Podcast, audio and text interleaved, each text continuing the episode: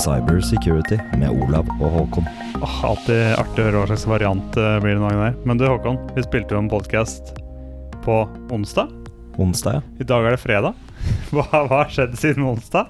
Nei, vi har jo blitt eh, et mediehus, da, så vi må jo Ja. produsere content. Så vi må få content ut hele tiden. Det er sant, ass. Pushe content selv når vi ikke har content, så det blir, blir masse content. Jeg vil si contentet vårt er ganske høyt i høy kvalitet Ja. hver gang, da. Ja, men, men siden vi ikke da har noe kult å melde nå, så kanskje vi bare skal kaste ballen rett over til Johan. Halla. Velkommen, Johan, til denne podkasten. Takk, takk. Kan ikke du interessere deg litt selv for lytterne våre? Bruk gjerne litt tid og fortell litt om reisen din. Og hvorfor du ble interessert i cybersecurity, og hva du herjer med om dagen. Og hele pakka. Ok, ok, ok. Fra start til slutt. Fra start til slutt. Greit. Så eh, jeg heter eh, Johan Paramanathan, for de som eh, lytter. Jeg jobber som security lead i Bouvet, men før jeg var det, så var jeg en eh, vi, kan, vi kan dra det helt tilbake igjen til 2010. Så i 2010 så fikk jeg min eh, første iPod Touch. Og jeg var jævlig glad i den. Det var dritfett, liksom. Apple eh, regjerte back in the days. Og jeg hadde Jeg elsket å spille fotball. Elsker jo fortsatt å spille fotball. Men jeg la iPod Touchen i lomma, og lomma hadde et hull. Eh, og iPod Touchen den datt ut, og siden den var relativt ny, så hadde det ikke kommet ut et case eller skjermbeskytter. Det var nytt. Så det hadde ikke kommet ut før sånn tre uker etter launch. Det er dårlig Apple. Og da mister jeg iPoden i bakken, og skjermen knuser. eh, og jeg blir sjukt furt på Apple. For det er liksom Hvordan kan jeg betale så mye for et produkt som knuser etter liksom én drop? Og da begynte jeg min jailbreak-reise. så da tenkte jeg sånn Ok, greit, nå skal jeg, nå skal jeg bare jailbreake en iPod her, fordi, iPoden her, fordi jeg tenker altså, det er ikke, det er ikke vits. Og sånn ble jeg egentlig interessert i sånn alt av sånn eh, OS-greier på, på iPod Jeg ble så til ekstremt nysgjerrig nå. Når man jailbreaker en iPod, hva er det du ønsker å installere på iPhone da som du ikke, som du ikke fikk fra før av, liksom? Okay, okay, Du kan ok. ikke spille, altså iPhone jeg skjønner du kan spille som Super Nintendo og Mario og sikkert gjøre mye andre kule greier, men en iPod, what fuck? Ok, ok, ok. Så for mange av de som lytter, ikke sant, så, så veit man ikke hvordan dette racet mellom jailbreaking og eh, iOS og sånt har funka. Ja. Men hele backstoryen er jo egentlig at jailbreak community har jo kommet ut med masse funksjonalitet som Apple senere har implementert. Sånn som det med å bruke temaer og sånn som hjemmeskjermen ser ut nå. Det er jo sånn min hjemmeskjerm så ut for ti år siden. Altså sånn temaer, all slags mulig, ikoner, alle disse tingene her. Det lå allerede der, så du kunne jo customize så sinnssykt mye. Du kunne cracke apps, du kunne laste ned masse greier, og du kunne spille Pokémon, og det, det var så mye da du kunne gjøre. Nå skal ikke jeg ta din instruksjon, jeg må bare nevne at back in the days så var jeg en av de første i Norge som hadde iPhone, og kjøpte domenet iPhonen.net. Og kjørte artikler på hvordan man jailbreaka hele pakka. Gjorde du det? Jeg gjorde det. Å, jeg fy var han karen. Du var han karen. men tilbake til din intro. Tilbake til meg, ja. Uh, så det var på en måte sånn, eh, sånn den reisen startet. Og så har jeg alltid digga PC-er og alltid syntes uh, det å liksom finne crack-ting og sånt er kjempegøy. Så jeg har jo bare styrt, styrt med det. Og så en eller annen gang på videregående så bestemte jeg meg for at IT det er noe jeg skal studere. Så begynte jeg med programmering og nettverk, eh, og så fikk jeg egentlig bare helt sånn average karakterer i alle fag utenom IT-sikkerhet. Eh, og da var jeg sånn, var jeg sånn hvorfor, hvor, hva, hva er det med dette faget her som på en måte får hjernen min til å gå? Og det er jo egentlig at du kan jobbe med alt, eh, og på en måte koble ting sammen på kryss av domener og sånne ting, og da begynner ting å bli veldig gøy i huet mitt. Eh, for jeg digger liksom å kunne hoppe inn i assembly, og plutselig prater vi om app-sikkerhet, og plutselig prater vi om noe annet igjen. Det er noe som får meg til å gå. Så tenkte jeg ok, det her høres jo ut som en farbar vei, så da tok jeg master i det også. Og så skrev jeg master om eh, helseinformatikk og sikkerhet, eh, og det gikk jo eh, som det gikk. Og i tillegg til det så jobbet jeg for Tjeneste for sensitive data, som er en sånn greie på USIT på universitetet. som jobber med å liksom sikre data. Norsk sky, som de kaller seg selv. Og det, det var også en sinnssykt bra læringsmulighet. Og fra det så ble det inn i Bouvet og inn i kundeporteføljen der, og ja, all slags magi som skjer der borte. Så alltid jobba med sikkerhet, egentlig. da. På en måte, ja, men aldri Altså sånn De sikkert sånn eh, første fra tiende klasse oppover har aldri tenkt sånn Å, dette er det jeg driver med. Det er bare det jeg syns er gøy. Ja, så det har egentlig vært sånn naturlig. Jeg så ikke sånn én spesiell hendelse noe som gjorde at uh, nå skal vi cybersecurity. Det var iPoden inn på studiet. Studiet gjorde det bra på informasjonssikkerhetsfagene, informasjonssikkerhetsfagene inn på konsulenthusene. Og de bare ja, vi har masse kunder som trenger sikkerhet, og rett etter kundeporteføljen. Ja, ja. Ja. ja. Så det har jo, har jo vært det. Og så liker jeg den blandingen av teori og praksis rundt informasjonssikkerhet. Da. Det syns jeg er gøy. Og så studerte vel du også programmering, var det ikke? Stemmer. Så jeg tok en grad i programmering og nettverk, og så ble det programmering og systemarkitektur. Det er ganske tilsvarende du studerte, Håkon, var det ikke? Det, det stemmer, det. Det er nesten helt likt. Men jeg tok eh, ja, eh, bacheloren på Oslo Met, da. Så Ja. Men det er egentlig en perfekt eh, en måte, introduksjon til det jeg skal prate med i dag. Fordi dere har jo diskutert litt i det siste, ikke sant? med utviklingsløp og sikker utvikling og statisk kodeanalyse og typiske utfordringer man ser der ute. Og det skal vi snakke om i dag. Og Du hadde også en presentasjon om det på Hackon nå nylig, hadde ikke, Johan? Stemmer det, stemmer det. Fem lærdommer om DevSecOps. Nice, nice, nice. Og Håkon, du også er jo veldig interessert i fagfeltet her, så dette tror jeg blir en eh, spennende episode. Men litt sånn for å starte, fordi vi har jo spilt inn episode i sesong tre, episode 06, hvor vi midt og det dekker det ganske grovt med hva sikkert utviklingsløp er, hva statisk kodeanalyse er, og hva man bør gjøre og ikke gjøre, og litt sånne ting. Litt lyst til å gå litt mer ned i grøten. egentlig, sånn typiske problemer dere ser, hvordan man kan løse det, sånn at lytterne får litt uh, mer utbytte av denne episoden. da. Så hva er liksom hva er det største problemet dere ser? Hva, hva, hva er liksom gjentagende? Johan først. Hva er det du ser som oftest? Så de fleste er jo ganske gode på verktøy. Det går som regel ganske greit. Eh, hovedproblemet kommer jo egentlig til endringsledelse og bruken av verktøy. Eh, man har en sånn initiell fase hvor man på en måte forelsker seg i verktøyet, og det er så kult og det er så gøy, og du får opp dashbord, og du får opp sårbarheter. Men etter hvert så begynner eh, sakene å tikke inn på Ira, og eh, ting er ikke like prioritert som før. Eh, og ledelsen har kanskje ikke fått noe beskjed om at dette er noe teamene skal prioritere, så, så det blir bare, det bare drukner i backloggen. Og da sitter man til syvende og sist igjen med et verktøy som ingen bruker, men som alle har dårlig samvittighet for. Så nummer én er ditt det, Statisk kodeanalyseverktøy som eh, ble brukt i en uke, og så står det her bare og blinker, og det er masse alarmer, og ingen som gjør noe med det. Håkon? Mm, jeg er ganske enig. Um, men jeg ville sagt at typisk felle er at man først tror det er teknologiproblem, sånn generelt. Ikke bare med verktøy, men helhetlig. Det er jo, eh, så vidt jeg vet, veldig lite autonome systemer som skriver kode. Det er jo for det meste mennesker foreløpig. eh, blir, blir jo mer og mer eh, automatisert. Men eh, så da er det jo menneskene som introduserer svakhetene som kan være sårbarheter. Eh, og mennesker som ikke har lagt til rette for at man kan skrive sikker kode, i min, min hjerne. Så det å se på det som et 100% teknologisk problem, mener jeg er den første og største typiske fellen.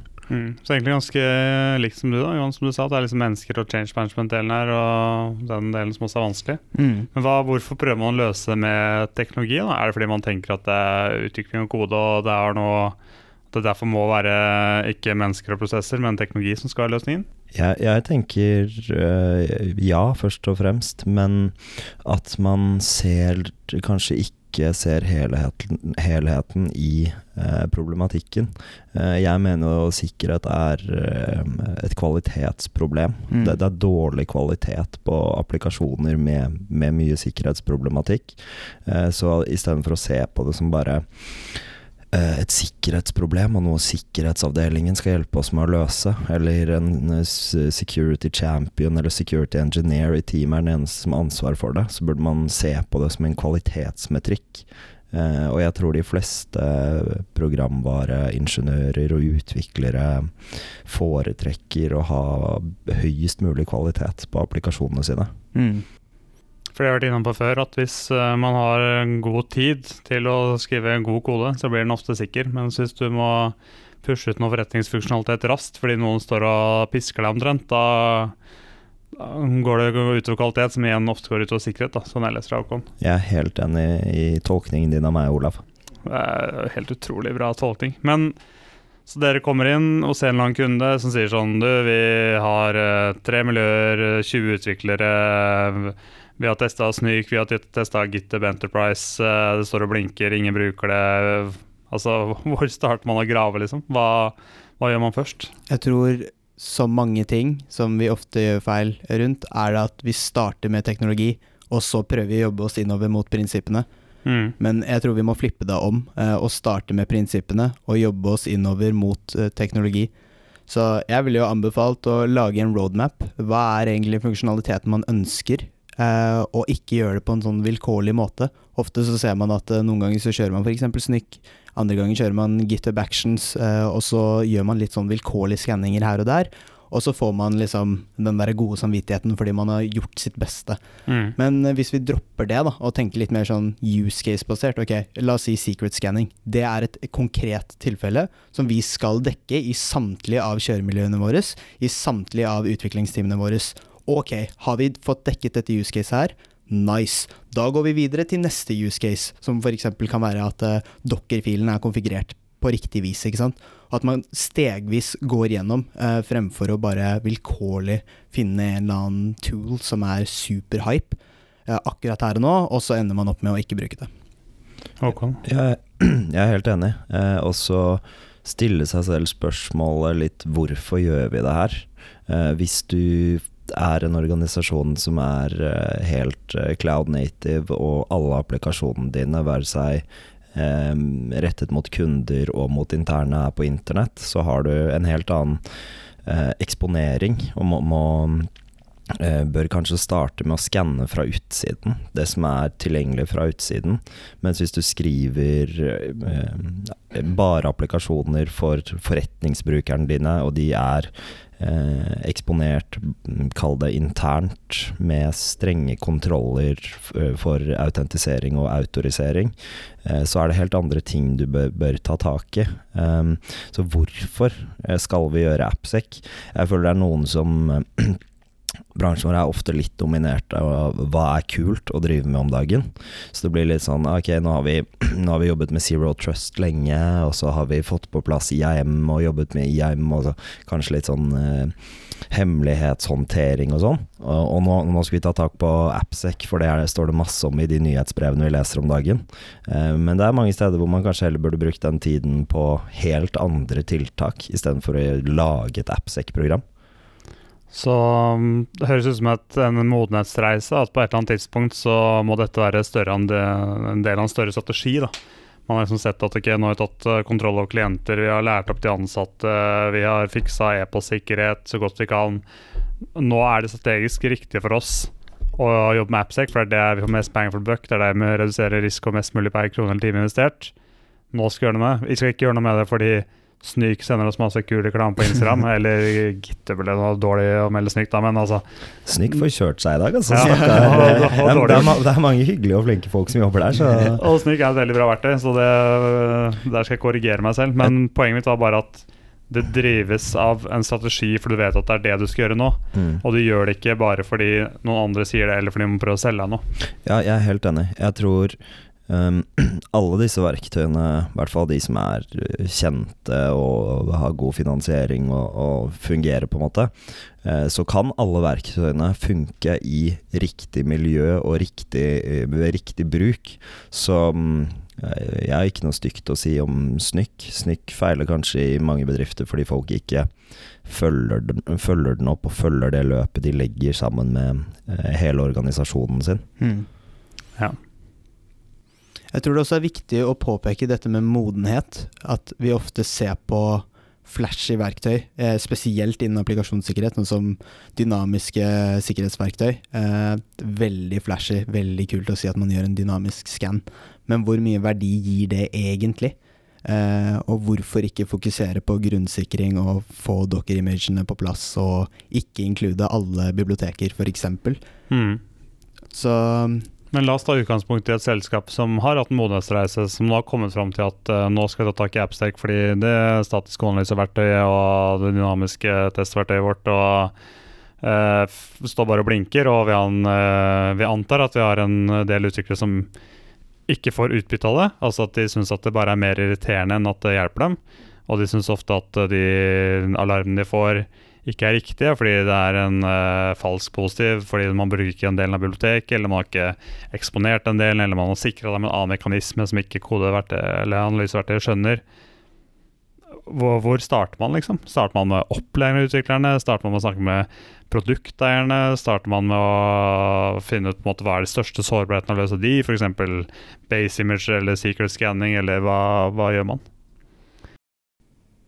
Ja, så det er et veldig, veldig bra spørsmål. uh, og er, jeg tror det er egentlig det som er kjernen i måten man på en måte løser det her på. Og det første er jo egentlig noen må ta eierskap til dette produktet. her. Noen må eie dette produktet, noen må styre det. Det kan være SISO, det kan være Security Lead, det kan være hvem som helst, men noen må eie det. Det andre er jo selve tuningen av regler. Uh, og der så, så, er jo ofte det at hvis man kommer inn veldig sent, og så aktiverer et sånt verktøy, da blir det fort kaotisk. Så jo tidligere man kommer inn, jo bedre. Men det er jo ofte at man innser det i senere tid, at dette er noe man skal satse på, og så skrur man det på, og så blir man overveldet. Får man sånn alarm fatigue, eller hva ja, man kaller det? Alarm, bare, ja. ja, stemmer. Alarm fatigue. Man blir bare helt overveldet. Og det har skjedd i så mange prosjekter jeg har vært i også. Uh, men det er rett og slett fordi man får ikke starta tidlig nok. Og det tredje er jo å få noen i teamet til å ta eierskap og få konkrete timer eller en konkret prosentandel til å jobbe med kvalitetsheving. Ikke nødvendigvis bare sikkerhet, men kvalitetsheving. Um, så det er på en måte de tre tingene man kan gjøre. Uh, og så er det jo også veldig ofte, i mange organisasjoner, så har man jo testeteam som driver med altså software assurance-type, altså kvalitetsheving det er jo et team man ofte kan spare litt med når det gjelder sånne verktøy. F.eks. Selenium er jo sånn verktøy for å automatisere tester. Nå er det en stund siden jeg har gjort uh, dette, så det kan være at Selenium ikke er the shit lenger. Men eh, metodologien er jo på en måte det samme. Vi prøver jo å teste det samme. Vi prøver jo å kvalitetsheve. Så kanskje det er en fin gjeng å alliere seg med når man først skal rulle ut et sånt her verktøy, og spesielt høre litt sånn hvordan er det det funker i den organisasjonen her. Ja, jeg er enig. Um Jeg tror jo eh, det å definere eierskapet eierskap, som du er inne på, eh, eierskapet til det å drifte verktøyet Nå er det mange av de her eh, SAS-verktøy etter hvert, eh, men hvem som skal drifte det, og hvem som skal tune det, og hva er målet vårt? Hvor bra skal det bli tunet?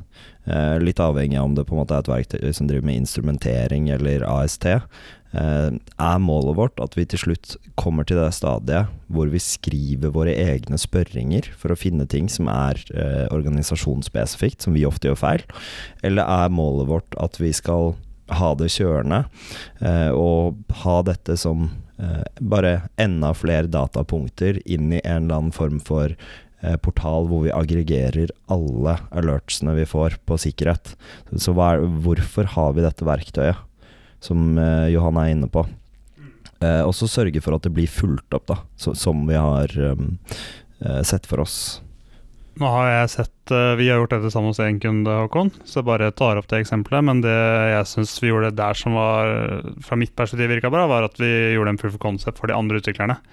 Så vi lagde Dette kan du fortelle mer om meg, men vi, vi sa ok, de hadde hatt en dårlig erfaring med verktøyene. Det var liksom veldig sånn få bort det verktøyet, for jeg har ikke noe nytte av det. Det ødelegger uh, motivasjonen min. ikke sant? Jeg klarer ikke å skrive kode, for det blinker overalt. Alle disse tingene. Så det vi gjorde da, var å lage en proof concept på hvordan det kan se ut med automatisk uh, patching og liksom ja, ja. Ja. ja. og er også, der er du inne på noe spennende.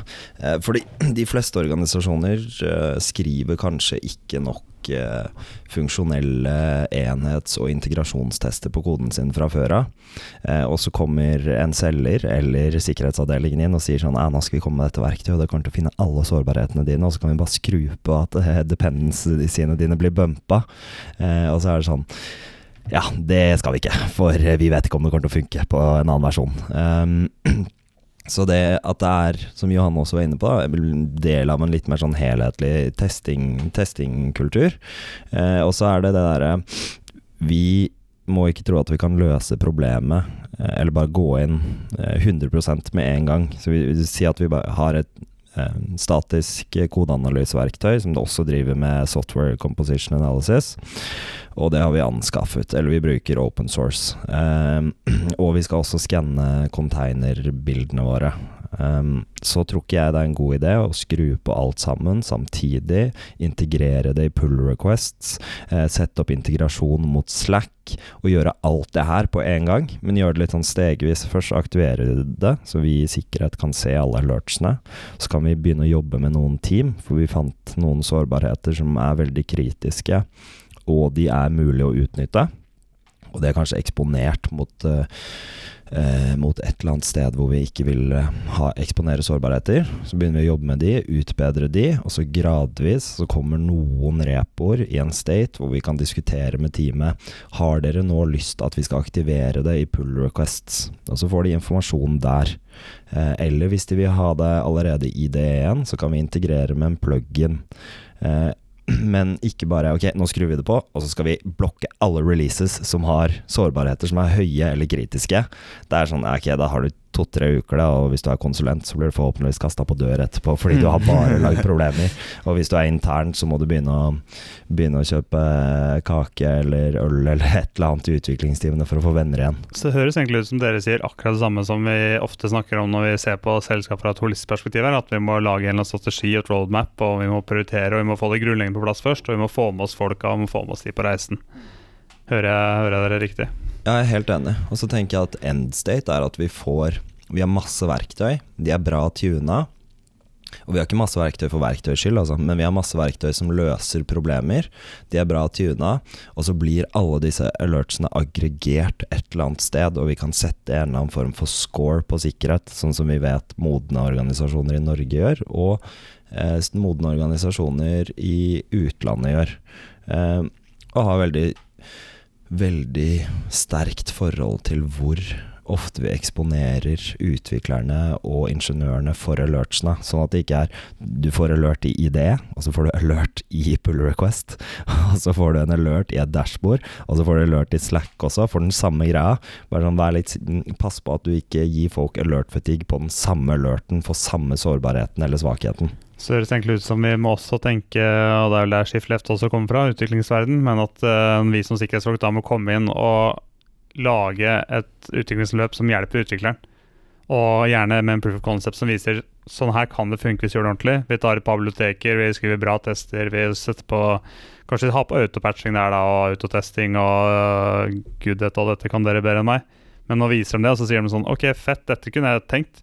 For det er sykt digg for meg å slippe å gjøre dette her. Hvis jeg skriver gode tester og skriver god kode, så skjer dette automagisk, og så slipper jeg å bruke tid og energi på det. Ja, jeg tror også det er viktig Altså, jeg er helt enig med analysen til Håkon. Jeg tror det er viktig å påpeke to ting der. Det ene er jo uh, workflowen til utviklerne. Ofte kommer jo litt av den der friksjonen mellom sikkerhetsteamet og utviklingsteamet fra at uh, man kommer inn man forstår ikke helt hvordan workflowen er, så man bare smekker på sikkerhet på slutten av prosessen og forventer at magien skal skje. Og Den eneste magien som skjer, er at utviklerne går fra å prate, prate med deg til å ikke prate med deg, og de forsvinner gradvis i, i, i bakgrunnen når de ser det. Så det er det der med å faktisk sitte ned med utviklerne, forstå workflowen deres, og forstå ok, når er et godt tidspunkt å legge inn dette verktøyet her. Et eksempel for eksempel kan jo være at uh, når du uh, legger inn et, eller annet SAS-verktøy helt på slutten, og utvikleren har committa koden, uh, og etter 30 minutter så kommer det en feedback som sier 'dette er en bug du må fikse', eller 'dette er noe i koden din som du må fikse', da blir det dårlig stemning. ikke sant? For de er allerede ute av workflowen, de har kanskje begynt på et nytt use case eller en ny brukerhistorie eller hva enn man jobber med, eh, og så når man det tilbake igjen i den gamle staten og prøver å fikse det. Så for eksempel så finnes det jo verktøy av både Snyk og GitHub og CodeQL og diverse andre, eh, så det er, det er, ikke så viktig. Altså, det viktige er egentlig bare at man får ta tak i problemene så tidlig som mulig, eh, og at det matcher workflowen til utvikleren. For da, da får du den gode balansen. Og nå syns jeg du var inne på noe utrolig interessant som jeg har lyst til å stille spørsmål om, som dere var inne på i starten. At dere begge har jo studert å skrive kode og bli utviklere. Så deres utgangspunkt for å komme inn her og forstå utviklerne og hvordan ting fungerer, er jo veldig høyt. Ville en sikkerhetskar som var mer infrastrukturbasert eller firewall-dude, eller som har blitt sikkerhet, eller mer manager sånn som min del Helt ærlig, tror en sånn person kan komme inn og hjelpe til å få det til å funke, eller må man kunne klare å skrive kode selv og ha i hvert fall en eller annen form for utviklerbakgrunn for å kunne få det til på en god måte, for å ikke havne i full clinch med utviklerne. Eh, jeg tenker med en gang at eh, det er litt uavhengig av hva slags utdanning du har. Um, det er mer om du har vært eksponert for den type miljøer, eller er villig til å lære. Um, hvis, jeg, hvis, jeg, skal være helt ærlig, så føler jeg det, det der, ja, jeg, jeg, kan snakke språket til utviklere og sånn, det er mer sånn der salgsargument man driver med i konsulentbransjen enn en noen reelle greier. Det det blir litt sånn der, den scenen i Office Space hvor han karen driver og roper at han, man ikke kan snakke med utviklere, og derfor har han ansatt for å ta krav fra salg til utviklere og sånn. Men eh, hvis du er åpen, åpen, for å lære og syns det er spennende, så tror jeg ikke du må ha Så tror jeg ikke du må, må ha slitt med Angular tidligere for å forstå utviklere. Um, Men det kan være en fordel, eller? Det er sikkert en fordel, for da hvis du har utviklingsbakgrunn, så har du i hvert fall vist at uh, interessen før, da. Ja, så kanskje det er lettere å få litt respekt av utvikleren òg, fordi du viser at du forstår i hvert fall eh, litt ulike typer språk og hvordan det fungerer, og at en sårbarhet i dependency nødvendigvis ikke er en sårbarhet fordi du ikke har dratt inn hele dependensyen. Vet ikke. Ja, jeg, er enig der. Jeg tror det å liksom snakke samme lingo gjør at du får bygget det samarbeidet tidligere. Eller så tar det bare lengre tid. Mm. Uh, og så er det det faktum at du sitter faktisk med utviklerne og prøver å finne ut av problemstillinger sammen med dem, fremfor at du bare kommer inn, sier 'her er det en haug med sårbarheter', please fix, I'm out. For da får du den derre ah, nå kommer det noen ovenifra og pusher ned. Og det, det, I noen land så funker jo det, ikke sant? fordi man har den kulturen at man bare ikke kan komme ovenifra og si 'dette fikser du', I'm out'. Men i Norge spesielt så blir det fryktelig dårlig stemning når du kommer ovenifra og sier 'det her må du fikse'. Så fra min erfaring så har jeg bare observert at det å sitte med utviklerne Ok, jeg sier ikke nei til deg. Eh, for akkurat dette produktet her så sier jeg nei, men la oss se på det her sammen. Hva er det du egentlig trenger fra dette produktet her? kan disse alternativene her funke? Og da blir det som regel god stemning. Mm, og En av grunnene til at jeg spør, er jo for jeg er jo, jobber mer som cybersecurity manager program, eh, risikovurderinger, strategi, eh, snakker med ledelsen, syr dette store bildet sammen. Men bare fordi jeg har sikkerhetstittelen, så får jeg ofte spørsmålet Du, det blinker rødt på dette i statisk håndlyseverktøyet vårt. Er det noe vi må ta tak i? jeg, har jo, jeg kan noen ganger kanskje ha flaks og ha noen meninger om det, men så ofte så prøver jeg å holde kjeft, fordi jeg har ikke nok kunnskap til å ha, og bør ha meninger om det. Og Derfor så kan jeg fortsatt ha nysgjerrighet, og jeg kan forstå noe kode, og jeg kan være interessert i utviklingsløp, men jeg tror fortsatt det rett og slett er faglig utfordrende, for, for min del, da, å gjennomføre et sikkert utviklingsløp og AppSec-program med et selskap, nettopp fordi jeg føler at man må i hvert fall en viss dybdekunnskap innenfor domenet fra før. Da. Det er ikke noe du klarer å bygge i løpet av det prosjektet fordi du har interesse for det. Fordi da kommer du allerede litt på hæla, tror jeg, inn. Ja, det, det, ville jo vært veldig rart nå om jeg skulle vært uenig i at det er en fordel å ha domenekunnskap i det man skal jobbe med. Eh, så jeg er jo enig i det. Jeg bare Jeg tror ikke du nødvendigvis um, trenger å være 10X engineer fra før av på, på kodebiten for å få til det her sammen med utviklere.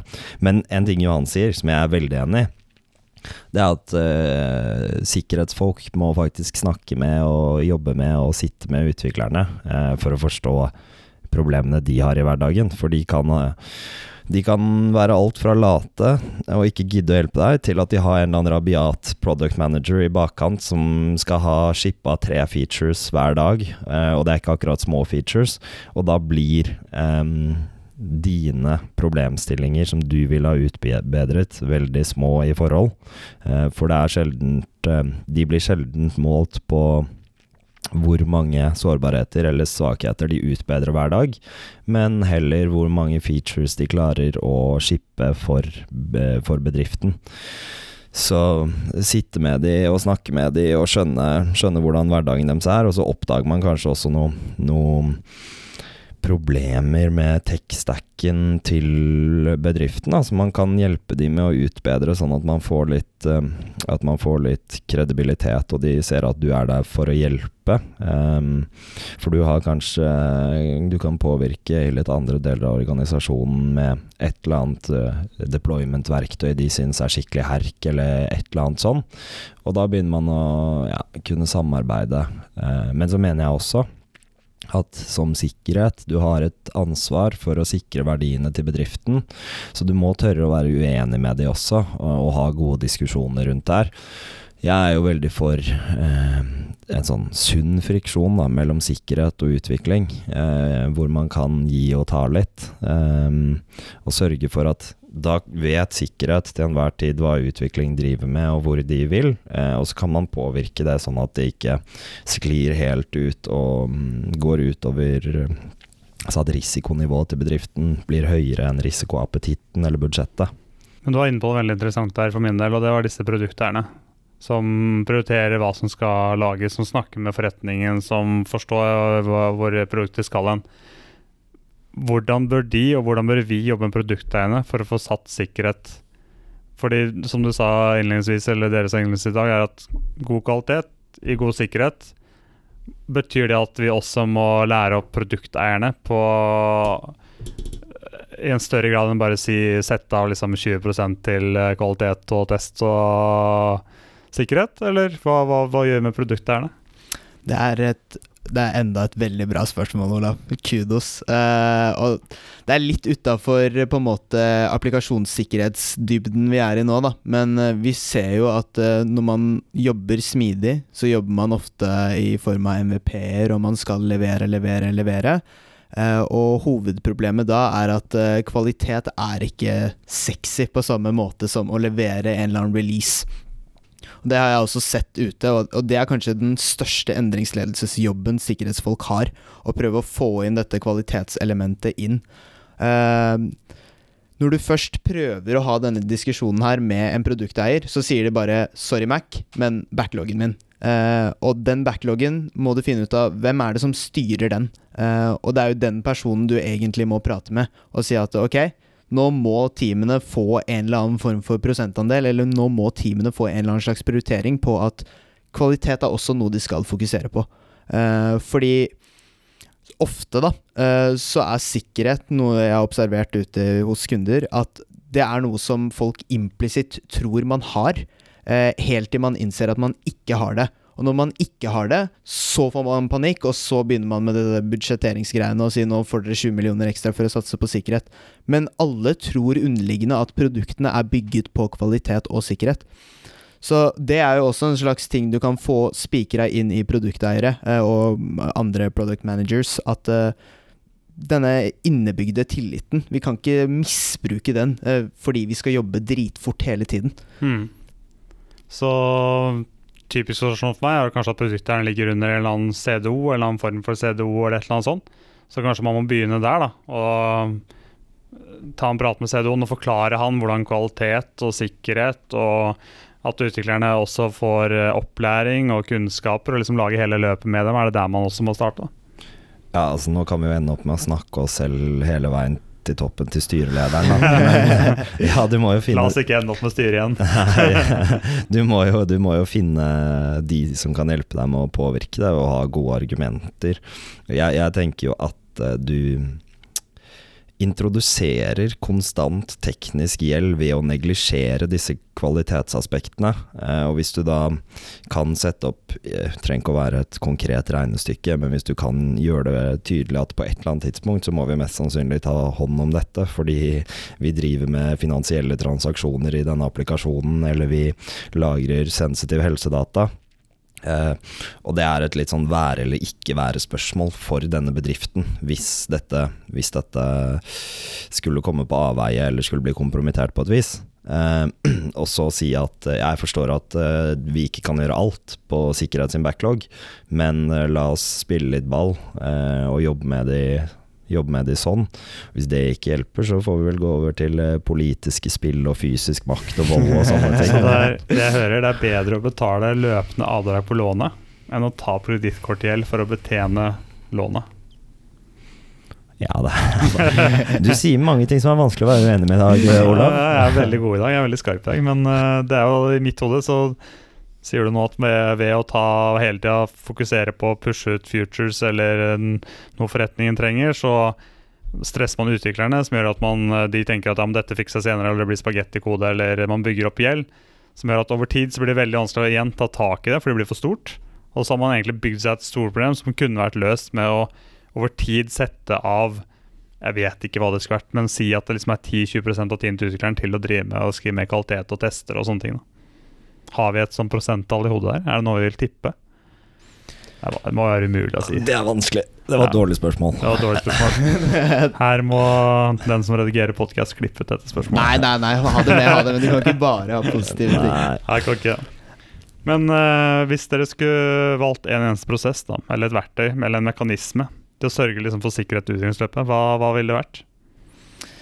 Oh, den har jeg kverna på i en uke. Jeg har gått i liksom alle Doctor Strange eh, multivers for å prøve å finne ut av svaret der. Ehm, jeg tror på de fem simuleringene jeg har kjørt i hodet, så er det i hvert fall det å ha eh, IAM-kontroll. Eh, hvis man kan få det gratis, eh, out of the box, og det funker fjell, så ville jeg tatt det. Eh, For det er eh, prosjekter som er utrolig tunge og skikkelig krevende å få til riktig. Eh, Og hvis man bare kan få det out of the box, så tar jeg det som et første steg inn i denne prosessen her. Men, men la meg utfordre deg. Okay. Um, du skal ikke få noe gratis. Du kan bare velge en av disse tingene du må jobbe med. Å, nå gjør du livet mitt kjipt. Det er ingenting som er gratis. Uff. Jeg, ok, ok. Um, Du kan få tenke, da, så kan jeg svare spørsmålet ditt i mellomtiden, Olav. Um, og nå skal ikke jeg bli eh, bare gå på repeat, men jeg tenker en eller annen form for prosess hvor vi eh, pragmatisk ser på hva slags risikoer eh, er iboende ved denne type applikasjon, hva slags eh, trussellandskap har vi, og hvor kan vi allerede ha feil, ville jeg sagt at eh, er der jeg ville startet, eh, og da på riktig ab abstraksjonsnivå. Så da er vi kanskje på eh, funksjonelt nivå eh, eller på kodenivå. Um, er i hvert fall der jeg ville begynt for å bygge, kall det sikkerhetskultur. Johan, har du gjort deg noen nye tanker, eller skal, vi, skal jeg heller gi deg et annet spørsmål? ja, du får gi meg et annet spørsmål. Altså. Det, jeg, jeg kommer til å havne i en sånn rabbit hole. Vi eh, meg syns, vi syns Håkon sitt svar var bra, syns du ikke? Ja, Ja, vi vi, syns vi, det er vi, bra. Vi Vi, lokker lukker vi dere der. godkjenner den. Men uh, et annet spørsmål ja, men, uh, som også ble nevnt tidligere i dag, er jo at man har disse on-premise-miljøene fra før, hvor kanskje ting ikke var eksponert på internett. Man måtte ha en VPN-kobling for å få tilgang til produksjonen ons og veiter. Så går man til sky. Har ut, er det tilfeldig at man nå ser en høyere etterspørsel etter å sikre utviklingsløp etter at man gikk til sky, eller er det noe man alltid burde gjort uansett? Jeg tror man har blitt mer bevisst på det. Eh, Jeg tror veldig mange har en litt sånn innebygd paranoia eh, som er til vår fordel som sikkerhetsfolk, eh, spesielt relatert til. Eh, Noen kjører jo en sånn der lift and shift-type greie, hvor du bare løfter i on-premise-miljøet, og så satser du på det beste, men andre har en sånn tilnærming som er litt sånn nå må vi tenke nytt. Nå må vi bygge på en ny måte. Vi skal ikke bare kjøre det her på en eller annen virtuell maskin. Nå skal vi tenke dokker, nå skal vi tenke Kubernetes. Så noen går jo i den der skifteretningen, mens andre løfter det der gamle on-premise-rælet de har. Men eh, det jeg har observert ute, er jo at de fleste, når de først går ut i skyen, tar i bruk eh, en eller annen form for verktøy, eh, og spesielt da tidlig i, eh, commit-biten. Så er det det at man går til sky og gjør at man får enklere tilgang på sikkerhetsverktøy som plutselig begynner å si ifra ting, som gjør at man skjønner at man må gjøre det med det, da? Eller? Ja, da, jeg, jeg vil si eh, Først vil jeg bare si ja, jeg mener det har forandret seg. Eh, ikke behovet og ikke det man prøver å oppnå, men mulighetene du har. Um, en, et aspekt er jo at veldig mye, om ikke alt du driver med når du har kommet til sky, blir ofte deklarativt. eh, og det er automatiserbart og gjentagbart. Hvis det er et ord. Eh, repeterbart eh, var det jeg var ute etter. Em, så vi, vi kan eh, Vi kan skanne og vi kan gjøre en del sånne ting eh, på en annen måte nå eh, enn vi kunne før. Vi kan f.eks.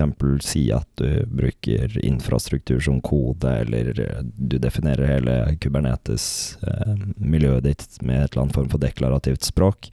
Så kan du allerede der begynne å se etter eh, bad patterns eller anti-patterns eller svakheter eh, automatisk. Um, så eh, ja, behovet har jo ikke forandret seg, men hvordan vi, kan, eh, hvordan vi kan utføre våre oppgaver har endret seg, vil jeg påstå. Så det er lettere å gjøre sikker, lage et sikkerhetsutviklingsløp i et skymiljø kontra et on-prem-miljø. Kanskje mer omfattende, da. Ja. Eh, før var det jo opp, eh, driftsavdelingen som kanskje satte opp eh, Dro til Digiplex på Ulven og eh, satte opp fysiske bokser for oss, og så ga vi de en eksekverbar fil eller flere. Eh, mens nå skal alt dette her gjøres kodelignende og på kodelignende vis, eh, som betyr at det er mer omfattende. Det er kanskje ikke så stort behov for Du har kanskje ikke et eh, nettverk, så du kjører ikke konstante Nmap-skanner på nettverket ditt på samme måte, eh, men du kan gjøre Du kan se om du åpner porter i koden. Jeg er ganske enig i det du sier der, Håkon. Altså sånn, eh, det var et godt poeng, jeg kom ikke på det før du nevnte det. Eh, og det er jo altså Tilgjengeligheten for å sette opp en pipeline er mye mer tilstedeværende i sky enn det det er on premise. Så når du f.eks. bruker et verktøy som GitLab eller GitHub Action, så kan du spesifisere det i YAML-filen. eh, At dette og dette og dette er de verktøyene jeg skal bruke, som ofte ligger på et eller annet som marketplace eller et eller annet sånt. Og det er mye mer eh, tilgjengelig enn f.eks. når det er on-prem, for da må du f.eks. installere SonarCube on-premise, og så må du anskaffe det, og så må du liksom gå en hel rute. Så kanskje prosessen bak det å få tak i et applikasjonssikkerhetsverktøy er ja, litt kortere da, når du er ute i sky. Eh, men jeg var eh, på internett her forleden, og da fant jeg en nettside som het sikkerhet.bouvet.no. Og Der var det mye spennende informasjon. Kan ikke du fortelle oss litt om den siden, og, og hva målet med den er, egentlig? Så eh, først og fremst en stor skjæra til eh, Bouvet Nord eh, og alle andre i Bouvet-systemet som har eh, vært med på å lage sikkerhet.bouvet.no. Jeg skal ikke gå sånn super i dybden på hvorfor den ble laget, eh, men eh, vi har jo tatt eh, god inspirasjon fra Nav og sett at eh, den playbooken de har hatt, eh, funker fjell. Eh, og det er noe vi også har trengt internt i Bouvet-systemet. Så da var det en eh, engasjert gjeng som eh, satte i gang prosessen med å lage vår egen eh, playbook for hvordan vi ønsker å gjøre ting i Bouvet. Og det er jo egentlig backstoryen til sikkerhet.bouvet.no. Er det da hvordan dere gjør ting internt i Bouvet, eller er det hvordan dere gjør det hos kunder, eller kanskje aller helst begge? Det er jo aller helst begge, men eh, det er jo primært egentlig hvordan vi gjør eh, ting ute hos kunder. Eh, Så anbefalinger rundt secret manager, anbefaling rundt deploy-verktøy. Altså Den første delen er jo en beskrivelse av prosessen, og den andre delen er potensielle verktøy man kan bruke, eller som vi har brukt ute i kundekontekst. Og det er jo, det er jo en eh, god kilde for å, for å ta fatt på det her. Men har du noen andre anbefalinger til kilder eh, rundt eh, applikasjonssikkerhet og software-sikkerhet som du kan anbefale til våre lyttere? Um, ja, så uh, vi snakket jo litt om det i stad med OVASP ASVS, uh, Application Security Verification Standard. Uh, det er jo et eh, interessant sted å starte hvis man virkelig har lyst til å gå i eh, materien på applikasjonssikkerhet. Og hvis man bare ønsker å ha noen man kan følge med på, så er det jo denne poden her, selvfølgelig. Eh, TLDR Security er også et fint nyhetsbrev eh, som kommer på fredager. Eh, og Daniel Meisler har også et bra nyhetsbrev som kommer på mandager og tirsdager. Det jeg liker med begge de to, er jo at eh, de får med både globale hendelser, men også det som skjer i sikkerhetsmiljøet. For ofte så ser man at eh, det er, eh, det er visse typer sikkerhetssårbarheter som får politisk traction, som gjør at det blir et helt annen gnist rundt det, eh, selv om den f.eks. har en CVS-score på fire eller fem, liksom. Så, så det er kult med Daniel Miesler, for han bringer med det perspektivet. Og så er det TLDR Security og OVASP ASVS, hvis man virkelig har lyst til å grave i dybden. Shout-out Clint Gibbler med TLDR-sekk. Det er jeg helt enig i. Um, La oss eh, sånn avslutningsvis eh, har, Etter jeg har fått lov til å være med litt mer her, så har jeg innført en greie hvor jeg prøver å gi en liten sånn utfordring på slutten til eh, gjestene.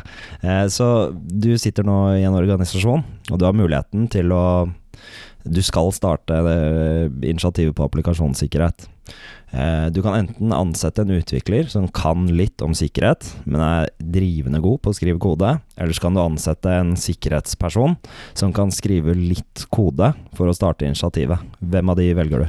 Jeg veldig godt for utvikleren, eh, fordi sammen som et team eh, med den utvikleren, jeg og den personen, så tror jeg vi hadde fiksa det meste av eh, problematikker. Så, så jeg tror den, den andre beskrivelsen ville jo vært litt mer sånn den personen jeg er. Altså jeg skriver jo ikke ufattelig mye kode til vanlig, eh, men jeg henger med. Og min, kall det svakhet, eh, ville jo vært det den utvikleren er sterk på. Da. Så jeg ville tatt en litt sånn yin-yang approach der. Det gjestene fram til nå ikke har visst, er jo at jeg har jo et riktig og et galt svar i mitt hode, og du fikk riktig. Men uh, da tror jeg vi bare avslutter der. Avslutter på topp. Ønsker alle lytterne en fin uke og snakkes på Hackon. Tusen takk for at du kom uh, og delte din kunnskap i dag. Takk for at jeg får bli med, og takk for at uh, dere deler. Dere er fete. Tusen takk, så ses vi på Ekon. Snakes. Ha det.